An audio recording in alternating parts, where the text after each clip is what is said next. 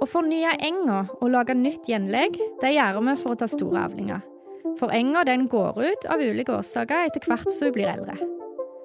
Det året du legger igjen, da blir avlinga mindre. Så det er en investering for å holde avlingene høye i det lange løp. En dekkvekst er en ettårig vekst som du sår i lag med gjenlegget for å få mer avling i gjenleggsåret.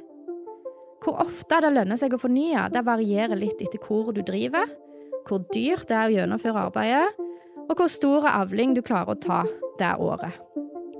Men med å gjøre ting til rett tid og vurdere å bruke en dekkvekst, så kan du forsvare å fornye oftere, og dermed få større avlinger totalt sett. I dag skal vi snakke om ulike strategier for å ta størst mulig avling i gjenleggsåret, og diskutere fordeler og ulemper med dekkvekst. Du hører podkasten Bondevennen. Mitt navn er Ingvild Steines Lutberget.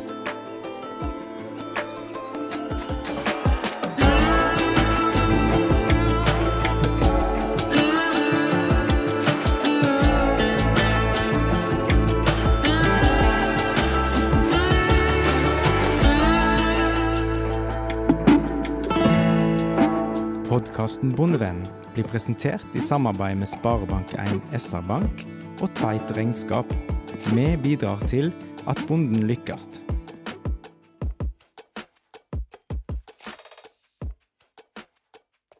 Vi vet at store avlinger er avhengig av flere ting. God jordstruktur, rett gjødsling og yterike planter.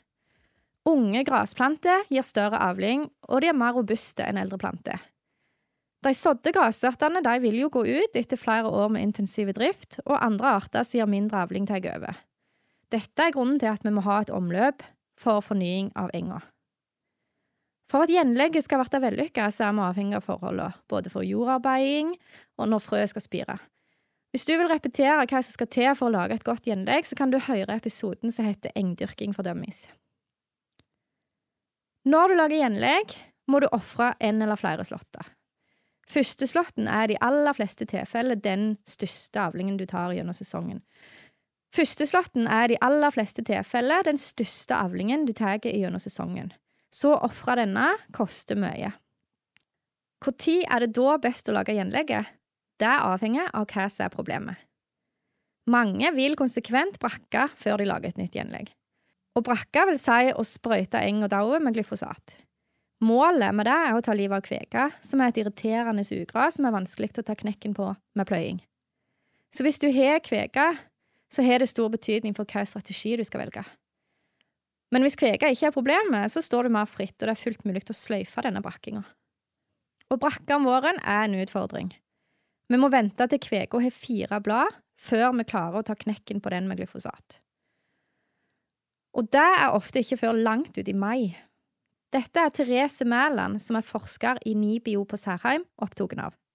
Jeg tenker jo Hvis du har problemer med kveka, så kan det absolutt lønne seg med sommergjenlegg, for da er det lettere å være tålmodig nok til at du klarer å vente med å ta den. Eh, så, så får en òg med seg den store første slåtten da, først. Så brakking etter første slått og gjenlegg om sommeren kan være en god idé for å hente ut mest mulig avling. Da kan en òg være heldig å få til en slått på gjenlegget før sesongen er over og en har fått to slåtter i gjenleggsåret. Et annet og mye brukt alternativ er om hausten. Da kan en være klar til å lage gjenlegg allerede i mars-april, så fort jorda er klar for jordarbeiding, og da blir gjenlegget hausteklart mye tidligere enn når vi skal brakke om våren. Og det har veldig mange fordeler. Særlig det at når gresset ligger dødt gjennom vinteren, så smuldrer torv og røttene opp, sånn at det er enklere å få et godt resultat med pløying. Og da større avlinger. Jorda er lettere å snu og arbeide med.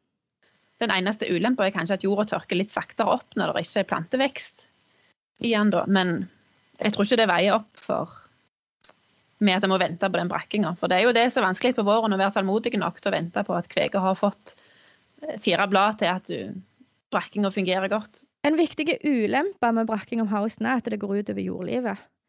Det som lever i jorda, får ikke nok næring, og aktiviteten i jorda går ned. I tillegg er det ingen fotosyntese gjennom vinteren, så du taper noe nitrogen hvis du lar enga ligge død om vinteren. Eh, det er jo klart det er negativt for jordlivet, men det må bare vekte hva hensyn en vil ja, vektlegge mest. da. Her vil det ha en betydning hvor ofte du gjør det. Hvis en brakker hver tredje høst, så har det kanskje større konsekvenser for jordlivet enn om en gjør det sjeldnere, som for eksempel hver sjette høst. for da får jordlivet god tid til å bygge seg opp igjen. Det er også mulig å ofre tredjeslåtten for å lage haustgjenlegg. Da har du allerede tatt ut de to største avlingene, og du kan ta full avling igjen året etterpå. Utfordringen på hausten kan være å få gode forhold for jordarbeiding, så her må vi ikke være for seint ute. Det er jo en tommelfingerregel at en bør etablere gjenlegg med timotei og reigras i løpet av eh, september, men eh, for senere grasarter, sånn som reisvingel og strandsvingel og kløver, så bør en nok eh, etablere i løpet av første halvdel av august. Så valg av tidspunkt for gjenlegget avhenger av hva som er problemet. Her må vi se forholdene på den enkelte gard, men brakking om våren er det som gir størst avlingstap.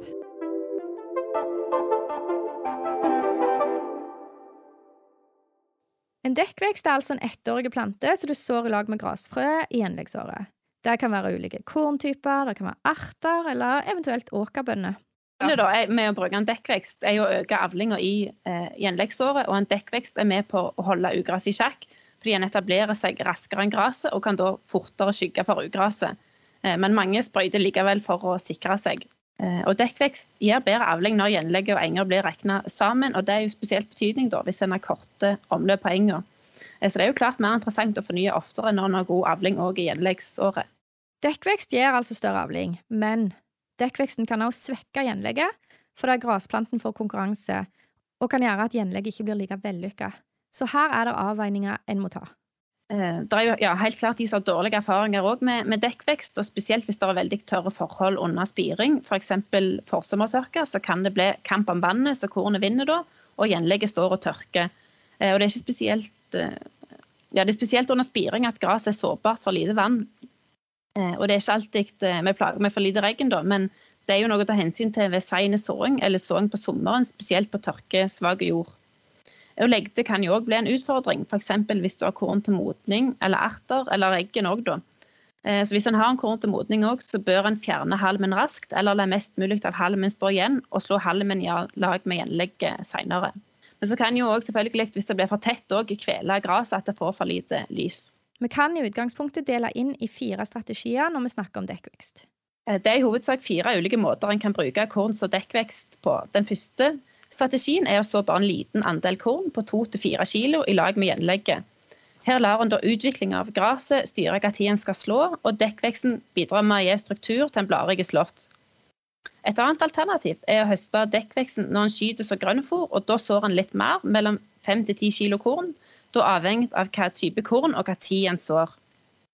Så kan en òg høste dekkvekten som helgrøde når kornet er deigmodent. Da er det stivelsen en er på jakt etter, og en øker såmengden til ca. 12 kg. Hvis en da har nok grovfòr, så kan en òg ha korn til modning som dekkvekst, og da treske avlinga. Eh, da er det lurt å redusere litt på både såmengde og nitrogen for å unngå legde. Dette kan være et ganske økonomisk alternativ, da, både pga. tilskudd og betaling en får for kornet. Hvis vi ser litt nærmere på den første strategien først, altså det å så to til fire kilo med kodden for å få litt struktur i gjenlegget, men med mål om å ha en høy energikonsentrasjon i fôret. Her vil det kunne variere hvor mye koddene dekker i enga, alt etter hvor tidlig du sår og hvordan forholdet er under oppspiring. Fordelen med denne strategien er at du får litt mer struktur i gjenlegget, for de som har hosta gjenlegg uten dekkvekst, vet at det, det kan ofte bli litt sånn kleisefôr som er vanskelig å bruke, i alle fall som eneste fôrmiddel. Men å så to til fire kilo dekkvekst utgjør ikke like mye avling, og en kan ofte ende opp med at det blir verken hummer eller kanari, for det er vi hauster det med tanke på hva som er rett for gresset, og så blir koddene det det blir. Men en kan regne med å øke avlingen fra 60 til 90 fôrenheter per dekar. Hvis vi øker såmengden fra to til fire til gjerne fem til åtte kilo, så får du større avling, og du kan hoste dette som grønnfôr. Men du vil også få et mer strukturrikt fôr, som kanskje passer bedre som gjeldkufôr, ammekufôr, eller som struktur i en fullfòrmiks. Jo mer korn en bruker, jo mer avlingsmengde får en. Men det er jo mer struktur en får òg, og mindre gras. Ja, det er jo gresset som er mer energirikt og sånn høyverdig fôr. Øker du såmengden enda mer til 10-15 kilo, så kan du lage heilgrøte. Da hauster du når kodden er på deigmodningsstadiet. Det vil si at når du klemmer på koddene, så kjennes det ut som en mjuk deig. Kjernen er ikke blitt hard ennå. Det skjer sånn ca. en måned etter skyting på koddene og ca. tre uker før kodden er modent. Da har du fått en del stivelse i koddene, samtidig som du får mye struktur ifra halmen. Og det kan egne seg godt som fôr til drøvtyggere, særlig hvis du har et eller annet system for å blande fôr. Eh, så jo mer såfra korn en bruker som dekkvekst, dess mer avlingsmengde får en da. Men denne meieravlinga er jo òg mye struktur fra halmen, så en får som regel ikke pose og sekk. Så hvis en først og fremst er på jakt etter energirikt fôr, så bør en så et par kilo korn bare med gjenlegget, og ikke bruke dekkvekst, eh, eller ikke bruke dekkvekst i det hele. Men når en sår slår dekkvekst og helgrøt, så er det jo stivelsen som er verdifull. Og I praksis så får den der variasjon i stivelsesinnholdet, alt fra under 10 til over 30 eh, og Dette er fordi det er ikke alltid like lett å treffe riktig utviklingstrinn når en skal slå. Men så kan en jo òg med stubbehøyden være med å påvirke litt hva, hva en får. Noen har investert i skjærebord til finsnitteren for å justere stubbehøyden. Da kan de kutte koddene høyere oppe og få en større andel stivelse. Men så går jo det litt utover tørstefavlingen. Det som er viktig og utfordrende med helgrøte, det er å treffe rett høstetidspunkt. Rådgiver i NLR Rogaland, Olav Havn, har nettopp skrevet masteroppgave om helgrøte og har noen interessante tanker om høstetidspunkt. Høstetidspunktet kommer litt an på hva en er ute etter. Eh, når det gjelder avling, så økte den betydelig fra 500-600 kg tørrstoff rundt skyting og så var vi helt oppe i 1100 kg i deigmodning. Uh, stivelse, uh, der er det lurt å vente så lenge som mulig. Men ikke så lenge at kornkjernene blir harde, for da får du dårlig fordøyelighet av dem. Vi snakker gjerne da første halvdel av deigmodninga. Her hadde bygg i underkant av 30% stivelse og hvete litt under 20 Så er det sånn at det er i akse at vi finner det meste av stivelsen. Ehm, og Derfor så kan en påvirke konsentrasjonen av stivelse med å regulere stubbehøyden. Ehm, og På dette stadiet her så utgjorde faktisk akse 50-60% av hele tørrstoffavlinga. For tidlig hosting gir altså lite stivelse, og da veldig mye struktur, mer som et gjeldkufor. Men for sein hosting, hvis kjernen i koddene har rukket å bli hardt, det gir låg fordøyelighet av koddene. Da kan du gjerne finne hele kodden igjen i skiten. I forhold til protein eh, så var innholdet høyest med skyting, eh, på rundt 12-13 før det gikk ned til 9-10% og lå stabilt der. Det er jo ikke noe veldig høy konsentrasjon i utgangspunktet. Heilgrøde bør derfor kombineres med tidlig slått gress for å sikre nok protein i fôrasjonen. Konsentrasjonen av NDF eh, den gikk òg ned etter hvert som planten utvikla seg. Og det er bl.a. fordi akse utgjør en større og større andel av avlinga, og her finner vi bl.a. mye stivelse. NDF, altså fiberinnholdet, eller strukturinnholdet, gikk altså ned når du venter med å hoste, og gjør det mer interessant som melkekufôr. Fordøyeligheten totalt sett den endra seg faktisk lite fra skyting til sein deigmodning, og hadde egentlig en tendens til en svak økning. Ehm, men her lå bygg betydelig høyere enn hvete. Og Dette betyr jo at en kanskje står litt mer fritt i forhold til høstetidspunktet enn det vi før skulle tro. Så hvis vi tar de tre viktigste her, avling, stivelse og fordøyelighet, så vil jeg si at høstetidspunktet bør være tidlig til middels deigmodning. Vi snakker da 80 85 på Sadoks skala, Sadoks skala går fra 0 til 99 og beskriver kornplantens utvikling. Sadox på 80 det beskriver deigmodningsstadiet. Og som Olav her sier, så er det optimalt å hoste eh, i mellom 80 og 85 på Sadox skala. Kommer du over 85, så begynner deigen å bli hard, og vi går over i gulmodning. Og da går fordøyeligheten ned. Men så spørs det òg litt hva høstlinjen bruker. Bruker en finsnitter med kornkrekker, så kan en faktisk akseptere litt lengre utvikling, for en får knust det mye bedre. Så vil jeg presisere at disse prøvene her er basert på NIR-analyser, der vi skal jobbe videre med å utvikle gode kalibreringsmodeller for helgrøde. Og om du har nok fôr og gode forhold, så kan du som Therese nevnte tidligere, velge å la koddene stå til modning. Altså ha fotle åger i lag med gjenlegget, og trøsje og levere koddene til mølla. Denne strategien skal vi komme tilbake til.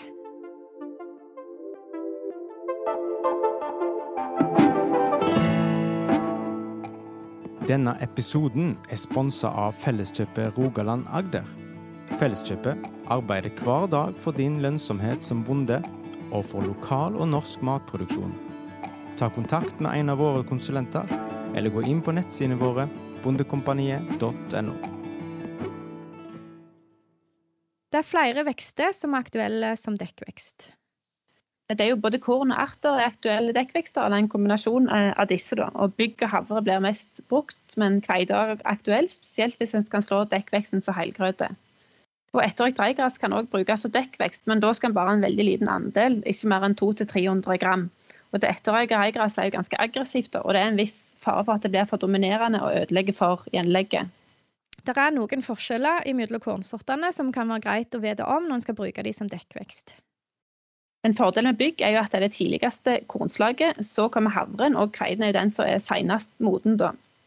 I forhold til skygging mot ugras, så har havre mest bladmasse og skygger best. Men en må mest passe på at den ikke dekker for mye. da. Et bygg har litt mindre bladmasse og skygger som passelig, mens kveiten er den mest lysåpne. Havre har bedre smakelighet enn bygg og ikke snert, men havren taper seg fortere enn bygg i fòrkvalitet etter skyting.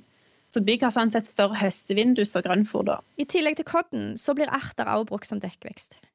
Eh, for de kan jo gi, erter kan jo gi veldig stor avling og på samme nivå som korn, da, og en kan jo få et mer energirikt eh, og proteinrikt fôr da, i tillegg til bedre smakelighet. For Erten er jo en belgvekst som kan spare mineralgjødsel, men både frø og plantevern er ganske kostbart. Så for at det totalt sett skal bli et lønnsomt alternativ, så er en avhengig av ei meieravling sammenlignet med bare korn. Eh, og I tillegg så er det mer krevende å få til erter enn korn, og ertene er kravstore til jord. Eh, og de er mer utsatte for legde, og det kan fort bli for tett å kvele gresset unna. Erter er utfordrende med tanke på plantevern. Det er ikke så mange sprøytemidler som er godkjent, og man bør velge areal som det ikke er store utgrasproblemer på. Artene haustes når det er tre fodle belger nederst på planten, og sammenlignet med kodden så gir det mer protein. Artene kan du også så i kombinasjon med kodden. Ja, Blanding med erter og korn kan fungere veldig bra. og Hvis en har kombimaskin, så får en sådd dette ganske effektivt. Eh, en kan blande halvt om halvt med såfrø korn og erter, f.eks. seks kilo hver. Men eh, spesielt hvis en skal sprøyte og betale for et dyrere middel, så er det jo greit å utnytte at en har erten med, og ikke gå for mye ned på andel erter. Ertene er mest synkrone i lag med toradsbygg, eh, og kan også kombineres med havre og kveite.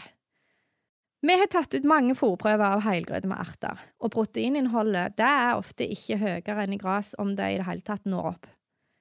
Men når du gjødsler et gjenlegg med erter, så skal vi bruke veldig lite nitrogen. Ofte så anbefales det å kun bruke husdyrgjødsel. Så da får vi mer protein i forhold til hvor mye nitrogengjødsel vi har brukt. Litt sånn som med kløver. Når du bruker dekkvekst, så tar det lengre tid før gjenlegget er hausteklart. Det betyr igjen at det blir kortere tid igjen til å ta andreslåtten på gjenlegget.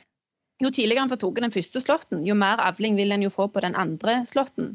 Så når en ikke har dekkvekst, får en jo mye mer avling i den andre slåtten da, enn om en har eh, dekkvekst. Spesielt hvis en venter helt til helgrøde, da, så blir det jo mye mindre å ta hvis en i det hele tatt får en slått til på høsten. da. Men hvis du kan ha god nytte av dette fôret som du får av dekkveksten, så gir det jo større avling. Så her må du vurdere hva du trenger. Er det energirikt fôr, eller er det struktur og eventuelt stivelse? Ja, hvilken grasart du skal så, har også betydning for om gjenlegget blir vellykka med dekkvekst.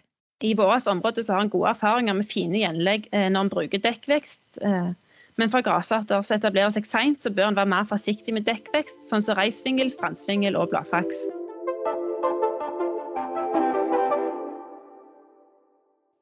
Melkeprodusent på Bryne, Jon Line, har lang erfaring med å så kodden som dekkvekst og hausta som heilgrødde. Han begynte med dette i 2013 etter en hard vinter. Det, I utgangspunktet så gjorde vi det for å få mer fôr. Uh, I jeg det var 2013 det frøs ut omtrent alt. Da hadde naboen lokket meg med til å kjøpe en carrier, en sånn stor skålhogg. Uh, så den hadde vi bestilt, så den, den kom da på våren, heldigvis. Uh, og så frøs det ut i grunnen alt av nyere kjelve, da hadde vi kjelve, da snudde vi på fjerde, hver fjerde år. Eh, så alt det som var brukende, det gikk ut. Så vi satt igjen alt. Jeg husker ikke om det var, det var nimme 500 mål med, med eh, cotton. Da satt vi kveite eh, til, til Heilset. Vi hadde sett noe de holdt på med borte på og litt forskjellig. Så vi satt kveite til Heilset. og det var òg han entreprenøren vi brukte, hadde kjøpt skjærebord så vi kunne snitte det med, med snitteren direkte. Dette ble lagt i plansilo og brukt som fôr til melkekyr. Jon var veldig fornøyd med dette fôret, og ser at denne strategien har gitt en god gevinst i avgavling. Etter hvert hatt såpass godt med fôr at vi har solgt en del korn. Vi begynte med havre, for det, uh, det var etterspørsel etter det. Så vi har lagd havregryn til, til menneskemat. Det er jo en direkte konsekvens av at vi har klart å produsere nok fôr på et mindre areal med nok fôr og de politiske føringene som er, så valgte de å gå over til å la koddene stå til modning og trøsje koddene. Så har vi da, etter hvert som vi har fått litt smaken på å levere kodden, så har vi jo endt opp med at vi nå eh, har satt bare bygg. Og ja, òg den havren har vi. Eh, men, men, for å levere mølla i plassen I fjor så gjorde vi det med kveiten. Eh, problemet med kveiten er å få en tørr og bæren. Det, det, går ikke selv i gode år. Altså eh, eh, lagertørre. Det koster for mye å tørke den ned. Og så lenge møllene ikke tar konsekvensen av det, så, så altså, de, de, tjener gode penger på å syretilsette og ikke tørke det ned, men trekker også for tørketrekk.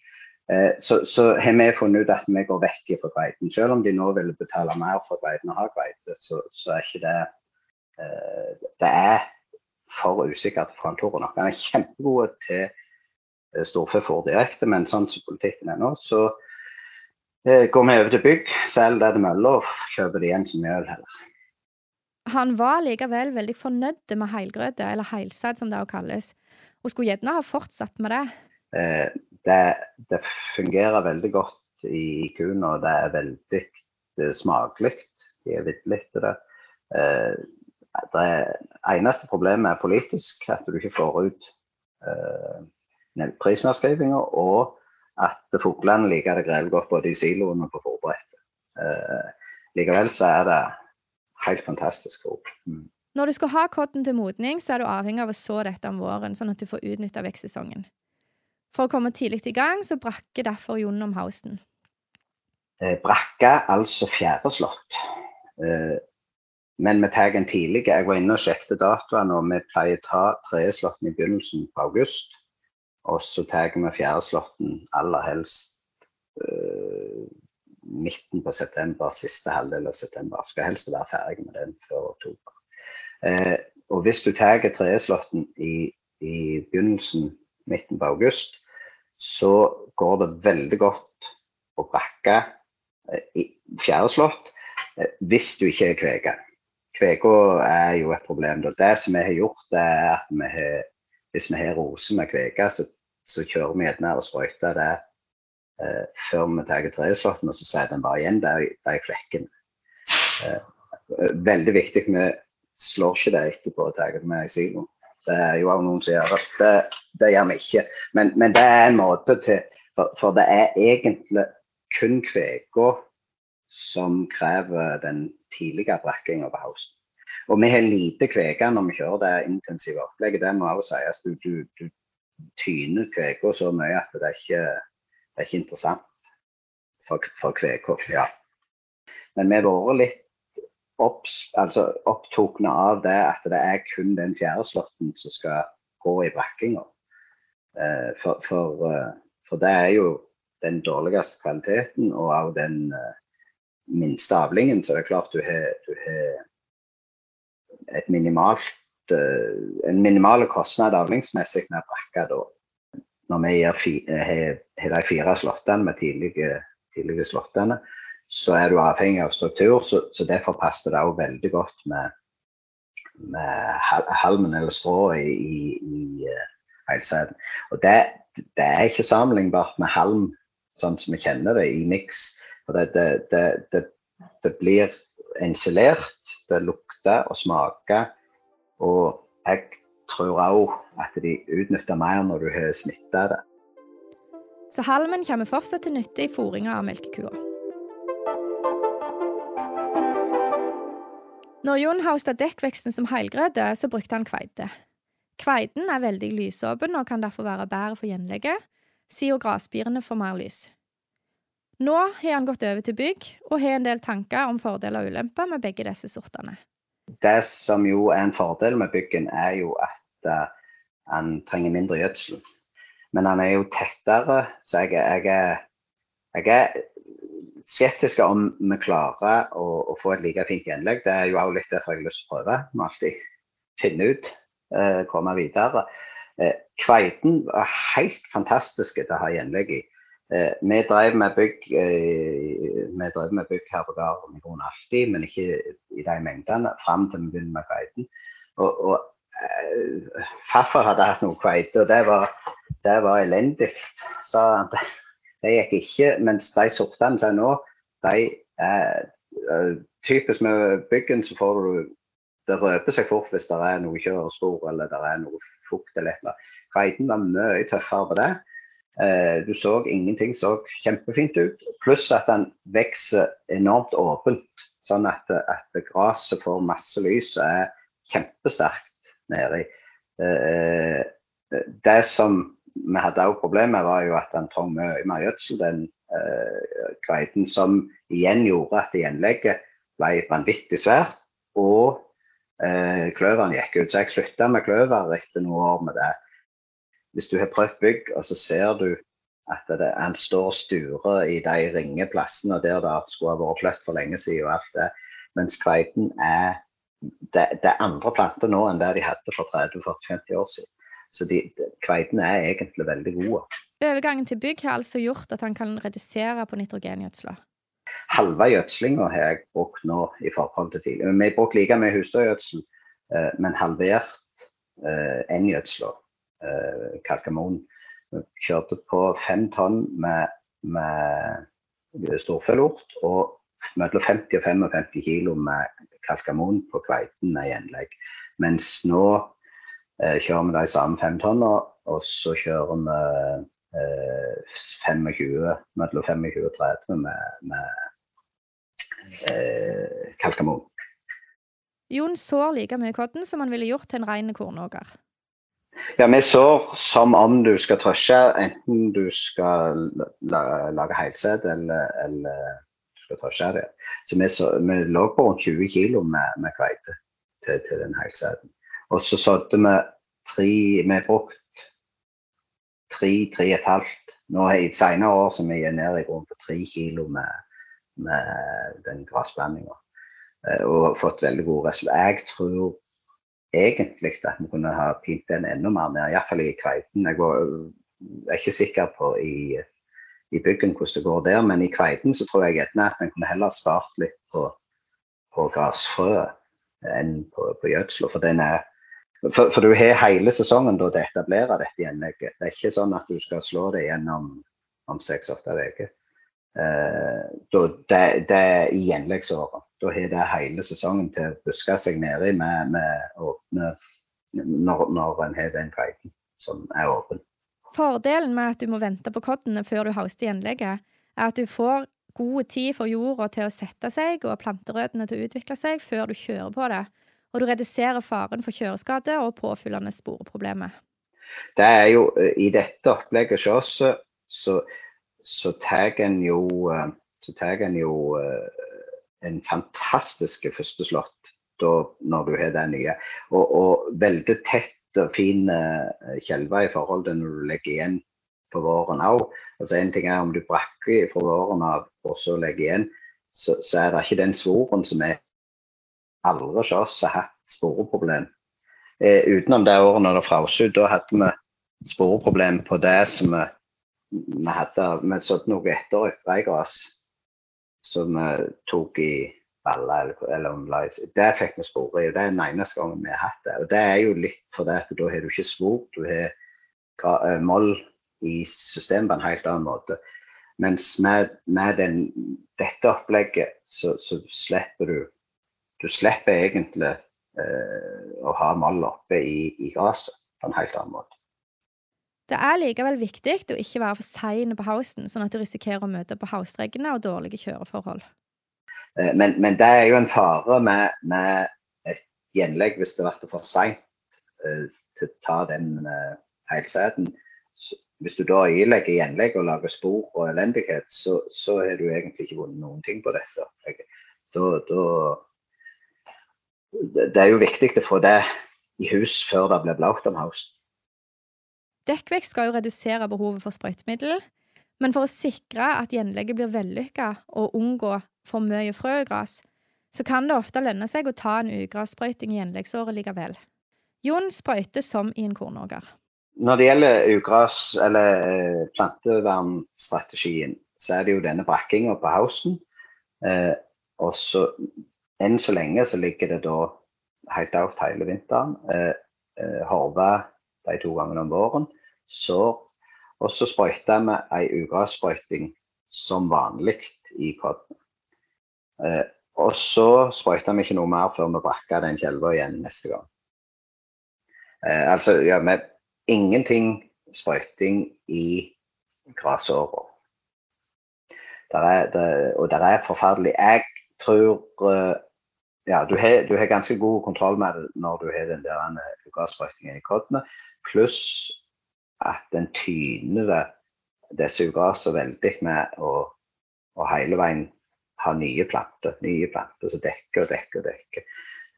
Så, så det er nok Ja, jeg mener det er Vi bruker lite sprøytemiddel i dette opplegget, selv om, ja, iallfall i forhold til avling.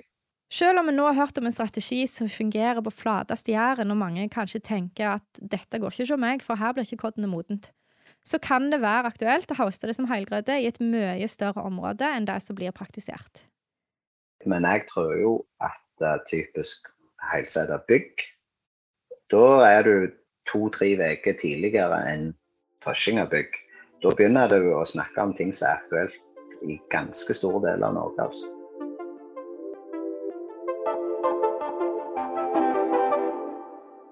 Åkerbønner, eller hestebønner, er en belgvekst som også kan brukes som dekkvekst. Fordelen med åkerbønner er at de har mye protein og stivelse, og dette har blitt prøvd ut i Rogaland med varierende resultat. Therese Mæland har vært med i et prosjekt som testa ut åkerbønner som helgrøde. Ja, Åkerbønner er en belgvekst sånn som ertene, men den er noe seinere og har derfor blitt mye brukt sammen med kveite og blitt høsta som helgrøte. Eh, vi har hatt en del forsøk med åkerbønner de siste åra, og det er litt sånn eh, bingo. Av og til har en fått store avlinger med høyt proteininnhold, og noen ganger dårligere resultater. Så Den største utfordringa med dyrking av ågerbønner er ugras. Det er krevende å bruke plantevernmiddel fordi ågerbøndene fort får sviskader. Så vi har stort sett prøvd å klare oss uten dette, da. men da har fort ugraset blitt et problem, og vi har høsta tidligere enn optimalt og ikke helt fått den kvaliteten vi ønsker oss. Så med tanke på ugras så bør en kanskje heller velge havre eller bygg for å dekke litt bedre. Eh, åkerbønner er litt grovere enn ertene og har eh, dårligere fiberkvalitet. Men fordelen med åkerbønner er at de ikke legger seg da. Men totalt sett så er nok ertene et bedre alternativ. Au åkerbønner er en utfordring med tanke på plantevern, og frø er dyrt. Men det er en interessant vekst fôringsmessig, og du får denne nitrogenfikseringa som du òg har på kløver og erter.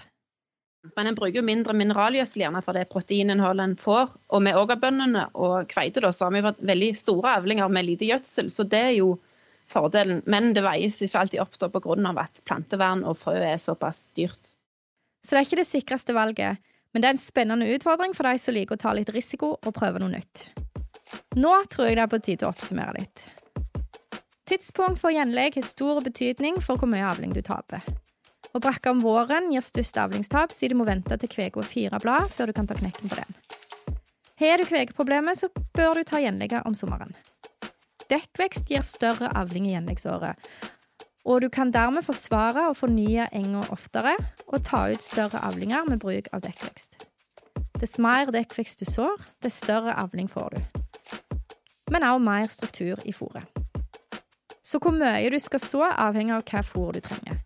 Både bygg, havre, kveite og erter er veldig aktuelle som dekkvekst, og kan gi et interessant fôr til drøvtyggere, særlig om du har mulighet til å blande det i sammen med noe i en fullfòrmiks. Du har hørt på podkasten Bondevennen. Mitt navn er Ingvild Steines Lutvagre, Og til daglig så jobber jeg som rektor ved Vinterlandbruksskolen i Ryfylke. Episoden er spilt inn i ABC Studio i Etne. Lyd ved Stig Morten Sørheim. Har du spørsmål eller kommentarer til podkasten, så er det veldig kjekt om du sender en e-post til podkast.bondevennen.no. Takk for at du hørte på.